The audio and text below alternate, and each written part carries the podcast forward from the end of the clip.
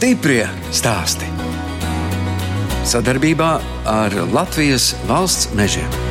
Es visu dienu esmu siera mājā, jo man liekas, ka bez manis te nekas nevar notikt. Varbūt es daru nepareizi, varbūt es sev nodaru pāri, bet tādēļ laikam mana daba, ka man ir jābūt visā klāt. Aizies algotu darbu, tu izdarīji savu darbu, atnāc mājā, to galva ne par ko nesāp. Man galva sāp no rīta līdz vakaram. Ja man ir jāizdomā, kur likt realizācijas visas tirdziņus, kāda laika apstākļi, rītā vējš, lietus, produkcijas daudz, apmeklēties tirgus maz, kur visu likt, ja nenotirgos. Nu, Tad viss pat ir atkarīgs no laika apstākļiem. Protams. Tas viss ir jādomā, kur darbiniekiem algu salasīt, kur uh, palielināt ražošanas apjomus. Tā kā visu laiku ir jādomā, jādomā, jādomā. Tā stāsta siera ražotāja Ineta Dambrova no Gulbenes novada Strādu pagasta pakalniešiem. Es, žurnāliste Daina Zalamane, šoreiz ciemojos viencētā, kur acis priecēja gan atjaunotā dzīvojamā māja, gan lielā laukakmeņa kūts. Tajā gan vairs nav govis, jo saimnieki pienu sieru ražošanai iepērk no citiem zemniekiem. Bijušajā kūtī tagad atrodas siera ražošanas cehs, jeb siera māja un degustācijas zāle. Inete Dambrova pakalniešos izaugusi. Tas ozols droši vien, ka te aug no saimnieka laikiem iestādīts, jo šī māja ir būvēta 930. gadā. Tā kā būs drīz 100 gadi šai mājai. Kūcēka ir vecāka 1926. gadā, bet māja celta, protams, vēlāk, jo kārtīgi saimnieki kādreiz tā darīja. Pirms bija saimniecība sēkā, un pēc tam tikai domāja par sevi. Vispirms bija jādomā, kā to naudu nopelnīt. Jā, un pēc tam varēja šiki dzīvot. Bet mūsu jaunatnē, man liekas, uztverēja nedaudz otrādi, ka visiem gribās uzsākt dzīvi šiki un pēc tam domāt, kā nomaksāt savus kredītus. Diemžēl tā ir. Daudzi aplaužās ar to, bet nu, nekas dzīve māca. Īsumā par vēsturi šī māja piederēja kādreiz saimniekam, kurš tika izsūtīts uz Sibīriju. No Sibīrijas neatgriezās. Un līdz ar to tā māja nonāca kolekcijas īpašumā, un mamma atnāca šeit strādāt par slaucēju. Man bija viens gads, un mamma sāka strādāt fermā, un es šeit fermā mammai klēpī arī izaugu slaucot govis. Mājā bija pieci dzīvokļi, kolekcijas laikā nebija beigās dzīvojamās platības, kā jau zināms, bija viena maza istabiņa virtuvīte, kur mēs dzīvojam visa ģimene, pieci cilvēki, un bija jāiztiek ar to, kas ir. Patreiz tā māja pieder tikai mums, dzīvojam tikai mūsu ģimene, jo pārējās visas ģimenes tika ierādītas citas dzīves vietas, jo tika privatizēta šī ēka. Un tā tas viss palika mūsu īpašumā no 90. kura gada, tad saimniekojam šeit tikai mēs. Patika arī jums tās gotiņas? Tas bija mammas dzīves eh, ieguldījums, mammas darbs. Viņa par viņam cēlās un gulās. Viņa arī kolekcijas laikos bija pirmrindnieks, visi diplomi un goda raksti un medaļas. Un Visas slavas dziesmas tika dziedātas šai fermai. Mammai bija jānāk palīgā, un bija savi lopi, un bija kolhoza lopi, un paralēli viss tika darīts, ravētas bietes, gādāts sienas, un viss, viss no tā izrietošais. Bet reizēm jau ir tā, nu, ka ļoti daudz tā bērnībā jāstrādā, ka cilvēks izaug liels un tu gribas pilnīgi kaut ko citu darīt. Jums tā nebija? Mm. Nezinu, man liekas, ka man nav bijis laika domāt par brīvu laiku, jo viņa nav bijis nekad. Un liekas, tā dzīve tā sakārtojusies, ka tu savādāk nemaz dzīvot nevari. Kā jums bērnībā bija arī kaut kādi pulciņi, ko jūs apmeklējāt? Pārsvarā jau nē, jo vienmēr bija jāskrien mājās, palīdzēt mammai darīt darbus. Un tā kā mēs nedzīvojam pilsētā.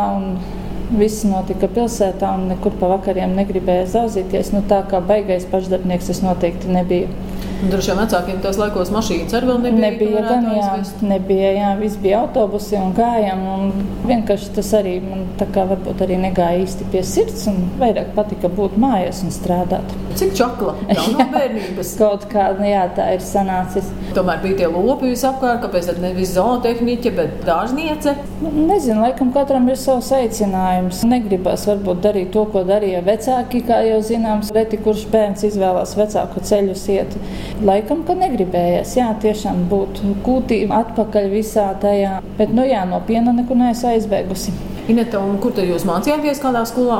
Jaungulbenes profesionāla tehniskā vidusskola, kur es izmācījos par dārznieku, jo mūsu kolhozā bija arī liela dārzniecība, kurā es arī strādāju. Bet, nu, atkal visi krīzes laiki, visas pārkārtošanās un dārzniecību privatizēja, un tālāk viņi arī neattīstījās. 90. gados jau bija sava saimniecība? Jā, mammai bija saimniecība, ko viņa privatizēja govis, fermu neprivatizējām, tehniku, ne zemi, ne, tā kā mēs ģimene nobijāmies tajos laikos ja tev dod visu un tu nezini, ko ar to darīt, tad tā ir kā ir. Mama paņēma tik, cik viņa spēja darīt, un viņa darīja tik, cik spēja. Protams, mēs viņai palīdzējām pēc saviem darbiem. Mēs visi strādājām, katrs savā darbā.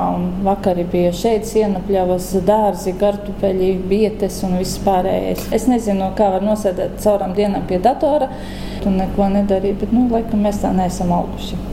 Mūsu paudze ir cita vēl. Jūs teicāt, piecitā dzīvojāt, bija vēl māsas brāļi. Jā, man bija brālis un uh, tante un vecmama, tā kā mēs dzīvojam, jā, daudzi vienā mājā. Un ko tad brālis tagad dara? Diemžēl brāļa man vairs nav, es esmu palikusi viena mammai, bet man ir mantojumā daudz brāļa bērnu. Es esmu tante pieciem brāļa dēliem. Oho, Jā. nu tam rašu brālis ir bijis. Un jau septiņiem brāļa mazbērniem. Inete stāsta, ka sieru pakalniešos sākuši ražot, kad iepriekšējās krīzes laikā samazinājās piena cena. Krīzes gados piens nemaksāja neko. Tad mēs uztaisījām vienu sieru ritulīti sev, vienu kaimiņiem, vienu draugiem, kuri savukārt pacienāja tālāk savus radus draugus kaimiņus. un Tā tas bizness sākās no viena siera ritulīša, divi, trīs, četri, pieci, septiņi jau bija daudz nedēļā. Nu, tagad tas ir aizgājis jau lielumā, plašumā. Nu, jau esam diezgan pazīstami Latvijā, it sevišķi vidzemē. Kā tad jūs tās gotiņas nolikvidējāt? Mammai nebija žēl, nebija grūti Mammai šķirties. bija žēl, mammai bija grūti šķirties. Mammai jau teica, ja piedzims mazdēls vēl viens vai mazbērns, tad viņa govis likvidēšot, tad vairāk govis neturēs. Protams, mums piedzimā mazais puika, bet mamma mūs piemānīja. Un govis vēl turēja vēl piecus gadus. mammai nebija daudz, mammai bija septiņas govis tikai. Tas ir gan nedaudz. Tur Nu, savāks priekš vienu. pensionāra, protams, ka tas ir daudz un ko ņemties un darboties, bet sanāca tā, ka vieglāk ir atrast darbiniekus palīgā siera ražošanā nekā iet kūtī. Bet kā jūs to mammu pierunājat, tomēr šķirties no tām gotiņām? Ā, Laikam viņa saprata, ka tomēr nevar to darīt, kad ir jāatziedo laiks arī kādreiz sev un jāatpūšas. Un laikam ir spēka tik, cik ir, un kādreiz tu saproti, ka tu vairs to nevari darīt, ko gribi.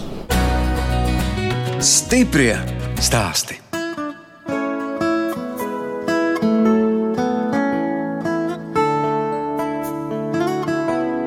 Jūs klausāties raidījumu stipri stāstī. Turpinot ciemoties pie Inetes Dambrovas, Gulbenes novada strādu pagasta pakalniešos. Ineta pirms 11 gadiem sāka ražot mīksto mājas sieru. Jau astoņus gadus pakalnieši ir sijā, bet tā kā siers tiek ražots viencētā, Ineta joprojām ir mājražotāja. Govju saimniecībā vairs nav, bet pienu iepērk no saimniekiem Rugāju novadā. Tā ir mūsu piena telpa.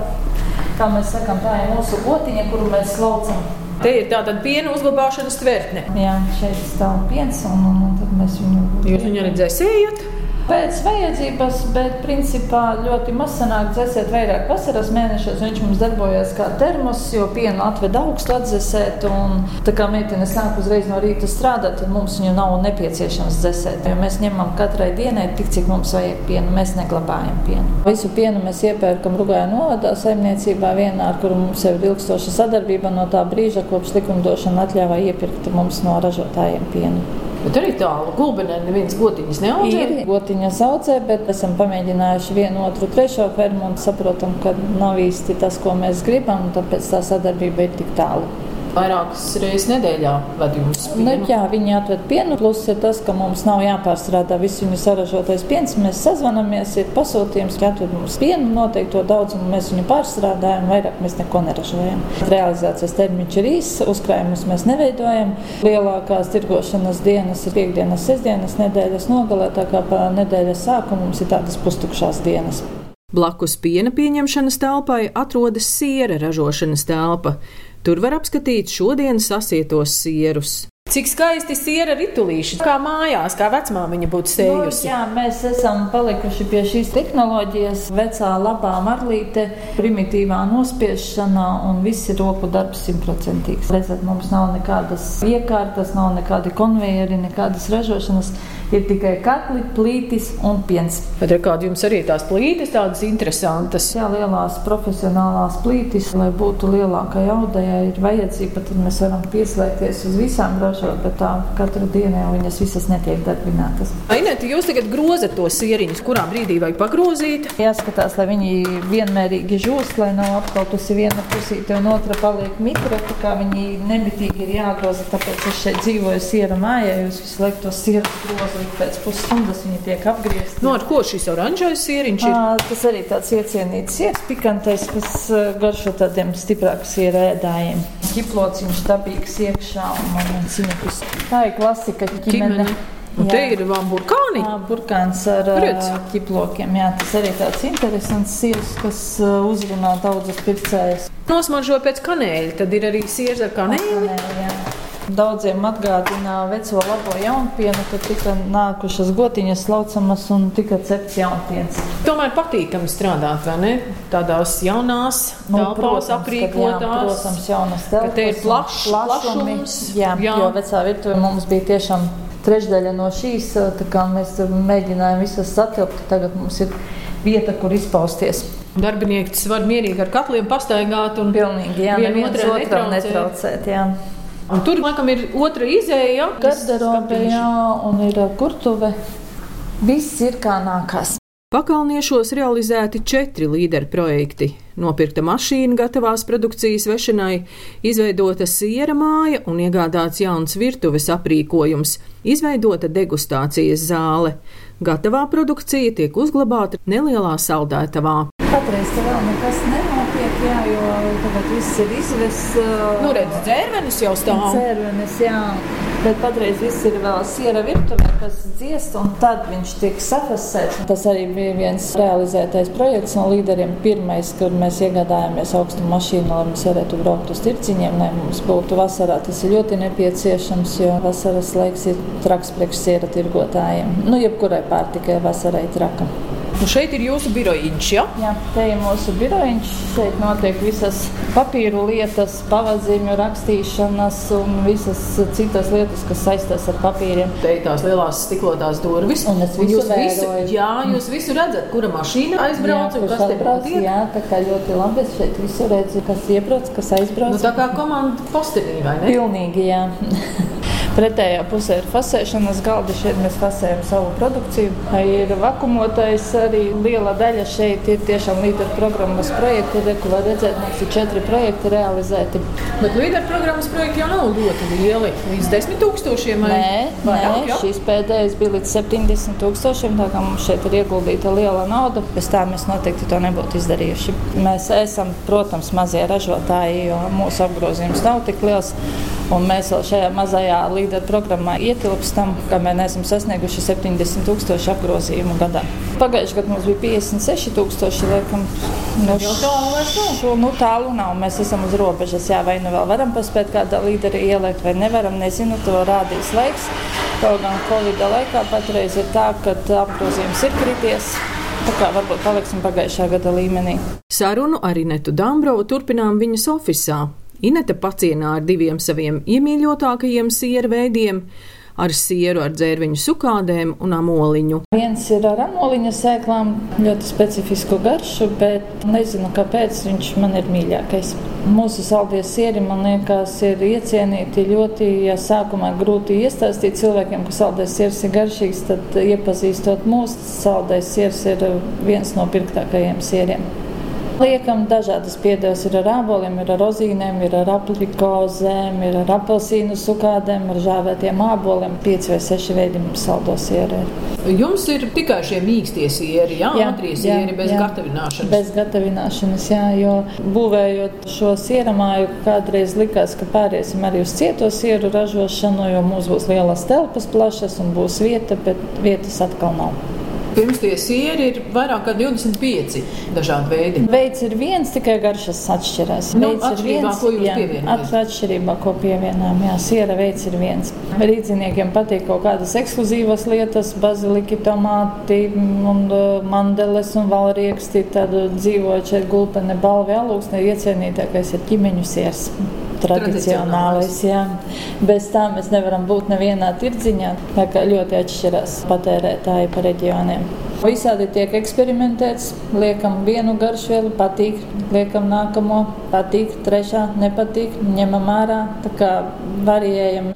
Nav tā, ka sanāk uzreiz mēs ieberam šīs sēklas amoliņa un mums sanāk perfekts siers. Nē, tur ir jāmēģina vairākas reizes, cik grādos likt, cik nospiest, cik nenospiest.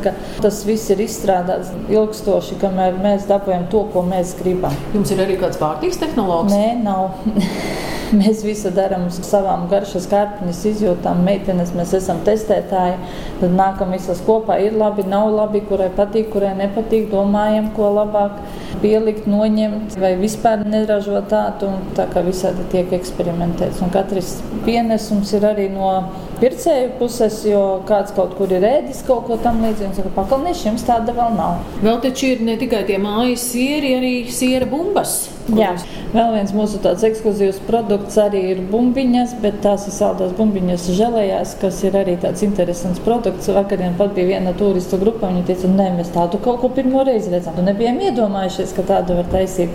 Arī tas produkts gāja ļoti lēnām tirgu. Patreiz viņš ir sasniedzis laikam savus ziedu laikus, kad bez saldām bumbiņām mēs vairs nevaram rādīties tirdziņos, jo visiem viņas gribās pirkt un ēst. Un tas ir tā kā saldais siers? Tas ir tāds kā saldais deserts, jā.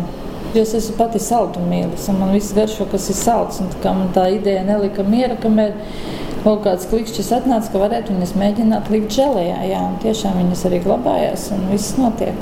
Mēs gatavojam divu veidu žēlēju, sērviņu žēlēju, vēl ķirši un upenes.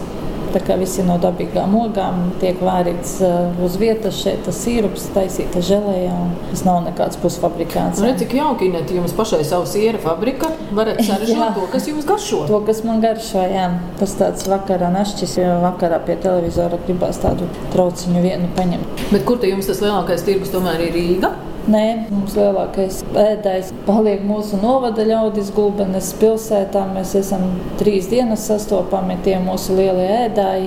Pārējie reģioni tad mēs esam gada tirdziņos un uh, internetu veikals nuko.lv, kur var nopirkt mūsu produkciju, tad tiek rīdzinieki pie mūsu produkcijas. Mēs reizi nedēļā viņiem piegādājam savu produkciju, un, un, viņi, vedat, un viņi izvedā tālāk pie patērētājiem. Arī mums šajā Covid laikā nu, mums tiešām ļoti palīdzēja, pasūtījumi pieauga un līdz ar to mēs varējām izdzīvot bez dīkstāvēm, un cilvēki sūtīja piegādes uz mājām, un, un, un arī mēs mēģinājām to veikt caur pasūtījumiem. Bet kā ir ar šo svaigo sieru? Realizācijas termiņš nav tik liels. Nav gan, jā, tā ir tāds klupšanas akmens, bet, diemžēl, mēs viņam nevaram nekā pagarināt termiņu. Viņš ir septiņas dienas, un tā viņš arī paliek. Tad, principā, cik jūs saražojat, uzreiz ir uzreiz jābūt mēs, jā, uzreiz pircējiem. ir jābūt pretī pircējiem. Jā. Rīgai tālu būtu tuvāk, mēs varētu divreiz varbūt vadāt, lai pietiek visai nedēļai, jo viņiem pietiek kaut kādām trīs, četrām dienām, tad kādas dienas ir viņi bez mūsu siera. Nu, un apvienoties jūs nevarat ar kādu, kas vēl veda produkciju. Vienkārši šajās celtniecības divu gadu laikā man nav bijis laika vienkārši tajā visā iedziļināties. Tagad celtniecības darbi ir pabeigti, tā kā varēs mierīgi apsēsties. Ziema solās būt mierīga, tad nosāksim domāt, atkal meklēt risinājumus, ar ko mēs varam sadarboties, kā mēs varam sadarboties, lai būtu izdevīgāk visiem. Nu, jā, jo gulbena balva varbūt ka kāds. Jā, gan jau, kad jā. Cik ilgi vēl kredīti? Saistības ir pieci gadi. Jā. Nu, tad gan drusku jāievelk galā. Nu, protams, jā, jātiek ar vienu galā, pēc tam var sākt domāt par nākamo. Mairažotāja status ir gan pēc apjoma, gan arī pēc atrašanās vietas. Jo, ja tu esi savā mājā, tas ir mairažotājs. Protams, ir dažādas lietas, ko varēja valdība mūsu labā paiet pretī. Varbūt PVN samazināt uz 5%, kā tas ir augļiem un dārziņiem, vietējiem ražotājiem, jo mēs arī pārstrādājam tikai vietējo pienu un ražojam savus produktus. Bet nu, kopumā jau nav slikti. Jā. Ja darbs patīk, ko tu dari, tad arī tas viss notiekās. Vienkārši vajag uzņēmību un darboties un gribēšanu to darīt. Jā, jo man liekas, tā mairažošana Latvijā tomēr ir daudzus stimulējusi kaut ko savu uzsākt mairažotāji ļoti daudz saviesies. Ja kādreiz bija tikai šur tur pa kādam, tad tagad jau ir ļoti, ļoti daudz. Arī gulbenē ir un arī braukājot pa tirciņā un liekas, jā, cilvēkiem kādas tik idejas nenāk prātā, ko var ražot. Tās pašas sukādes, kad sākās. Tagad sugādes ļoti, ļoti daudziem. Visi amatnieki, un pie mums gulbenē, piemēram, ir pusdārgakmeņu ražotne, kur taisa no parastiem laukakmeņiem rotas. Tā kā ļoti interesanti. Uzņēmējiem tomēr tā ir tā atbildība par tiem saviem darbiniekiem, no, lai protams, viņiem algas izmaksāt protams, katru mēnesi, jā. lai nekavētu. Jo tas vecais labais teiciens, tu esi atbildīgs par to, ko esi pieradinājis, un tā kā tev par viņiem ir jārūpējas, un tur nekā nevar izdarīt. Bet jūs esat tādas gados jaunas meitenes. Jā, meitenes, meitenes man ir ļoti foršas, tiešām apzinīgas, darbīgas, šiverīgas un visādā ziņā. Un kur jūs tādas atradāt? Nezinu, mēs kaut kā satiekamies. Mums, gulbenietis? Jā, visas ir gulbenietis. Es esmu ļoti apmierināta ar savām meitenēm. Bet atkal no otras puses, kā jūs teicāt, vienu dienu trīs stundas, vienu dienu četras, vienu dienu sešas. Um, nu, jā, meitenēm ir arī papildus darbi, ko viņas dara. Tas ir apvienošanas kārtībā, tā kā to visu var izdarīt un būt pie ģimenes. Tas nav tā, ka mēs esam piesietas no rīta līdz vakaram. Piesiet esmu tikai es. Stiprie stāstī!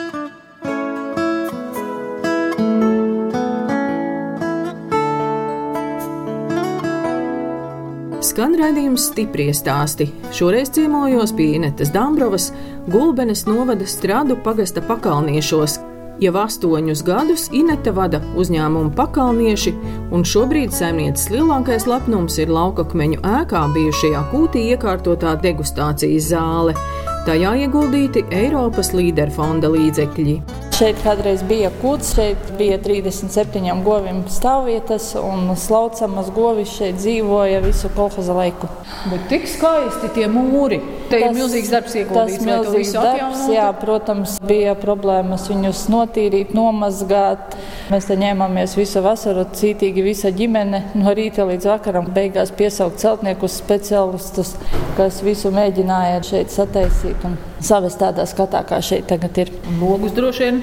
Logus, jā, protams, viss ir plašāks, sataisīts. Liels solis uz priekšu, pateicoties līderu programmai un Eiropas fondiem visiem, jo bez tā noteikti mēs šeit nebūtu tikuši. Kas jums šajā zālē notiek, kādi pasākumi? Domāts viņa kā atpūtas telpa gan darbiniekiem, gan arī uzņemam turistus un viesus, kas brauc apskatīt mūsu ražotni un notiek siera degustācijas. Un tā kā mēs te dzīvojam, mēs uz tā lielā ekrāna. Turisti, kā zināms, brauc sestdienās, svētdienās. Mums nenotiek ražošanas process, kad meitenēm ir brīvdiena, bet, lai būtu ieskats ražošanas procesā, tad tas viss ir safilmēts un tad mēs rādām filmu. Droši vien arī laist visus tos turistu barus cauri ražotnē, tas arī nemaz nav tik vienkārši. No, nav gan, un arī sanitārās normas to neatļauj, tāpēc mums ir stikla durvis, kur var paskatīties, ko dara meitenes, bet uh, ražošanas telpās vairs mēs nelaižam. Vecajā virtuvē mums nebija citas izējas, tad visi varēja ienākt un apskatīties, bet nu, mēs ejam laikam līdzi un skatāmies, lai viss ir kārtībā. Kāpēc cilvēkiem tik ļoti interesē, kā tas viss top? Man liekas, ka Latvijas ir liels ēdājs un viņam viss, kas iet caur vēderu, viņam ļoti interesē. Visiem, protams, gribās nobaudīt, nodegustēt. Vēl jau lielāks prieks ir tad, ja cilvēki grib nopirkt un aizvest ciemakukuli mājās. Tas tāds pateicības saimniecei cilvēkiem tiešām patīk skaistas lietas, atjaunotas lietas, jo vecie mūri man liekas, ka patreiz ir aizgājis tāds bums Latvijā, kad visi vecie mūri ir topā. Šī ēka nelika mieru jau visus gadus, kopš es strādāju ar sieriem, jo viņa stāvēja gadus piecus tukšā un nebija miera, kad vajadzēja kaut ko šeit sākt darīt. Inete Dāmbrova stāsta par saviem trīs bērniem - Gitu, Gintu un Dāvi. Bērni ir lieli. Vienam bērnam ir 29 gadi, vienam 28, un mazajam bērnam ir 13 gadi. Tā kā spurainais vecums, darīt neko negribās, bet nu, nekas gan jau dzīve mācīs arī mazo strādāt.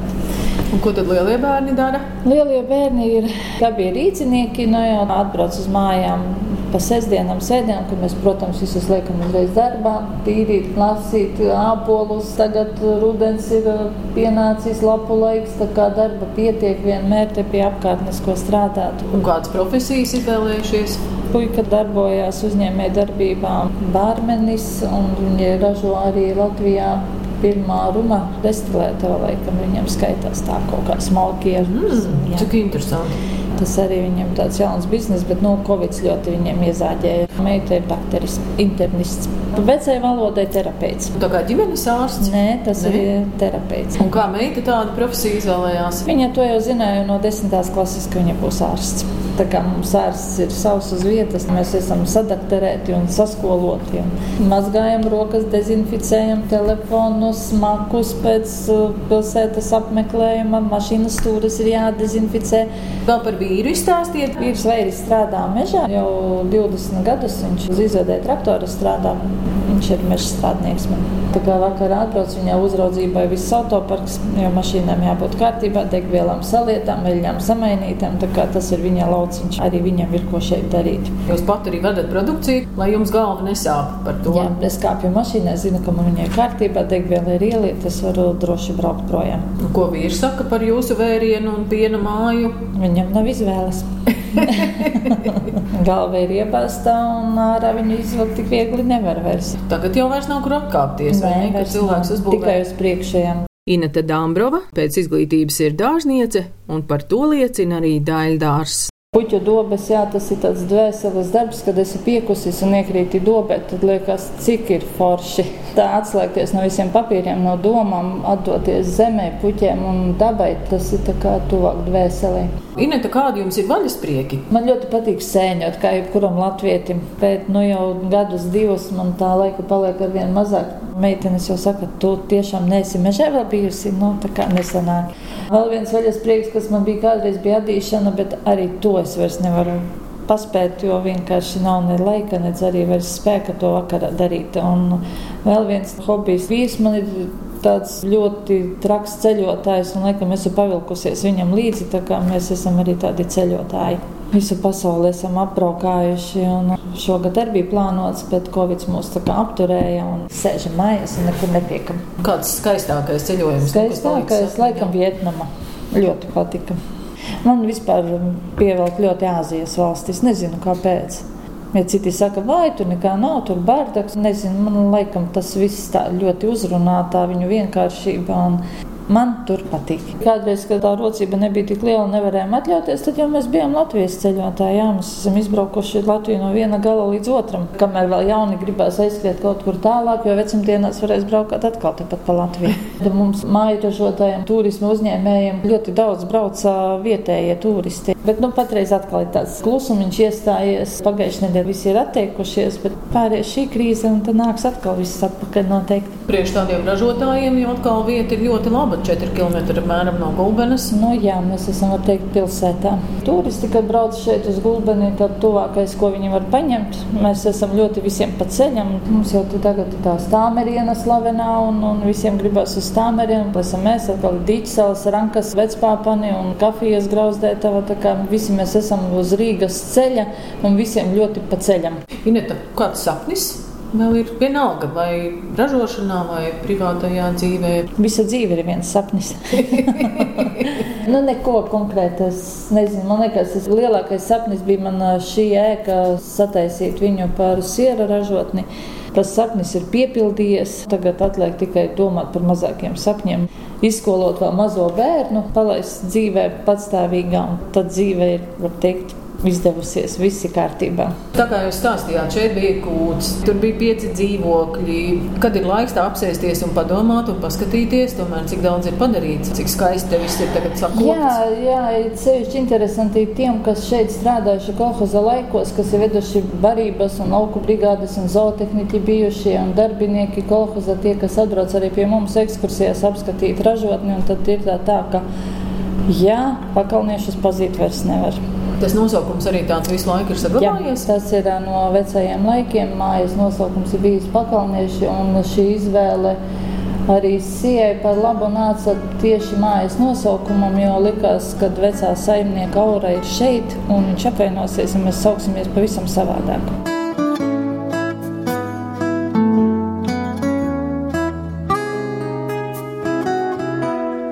Redījums stipri stāst izskan, un es atvados no Inetes Dāmbrovas, kas Gulbenes novada stradu pagasta pakalniešos, ražo mīksto mājas sieru ar 25 dažādām piedevām.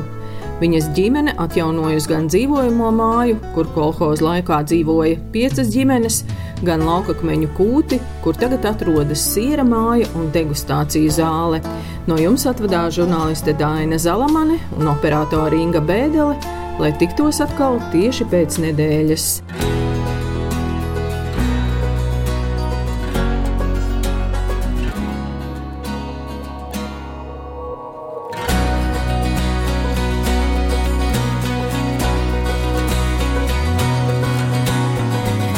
Stiprie stāsti sadarbībā ar Latvijas valsts mežiem.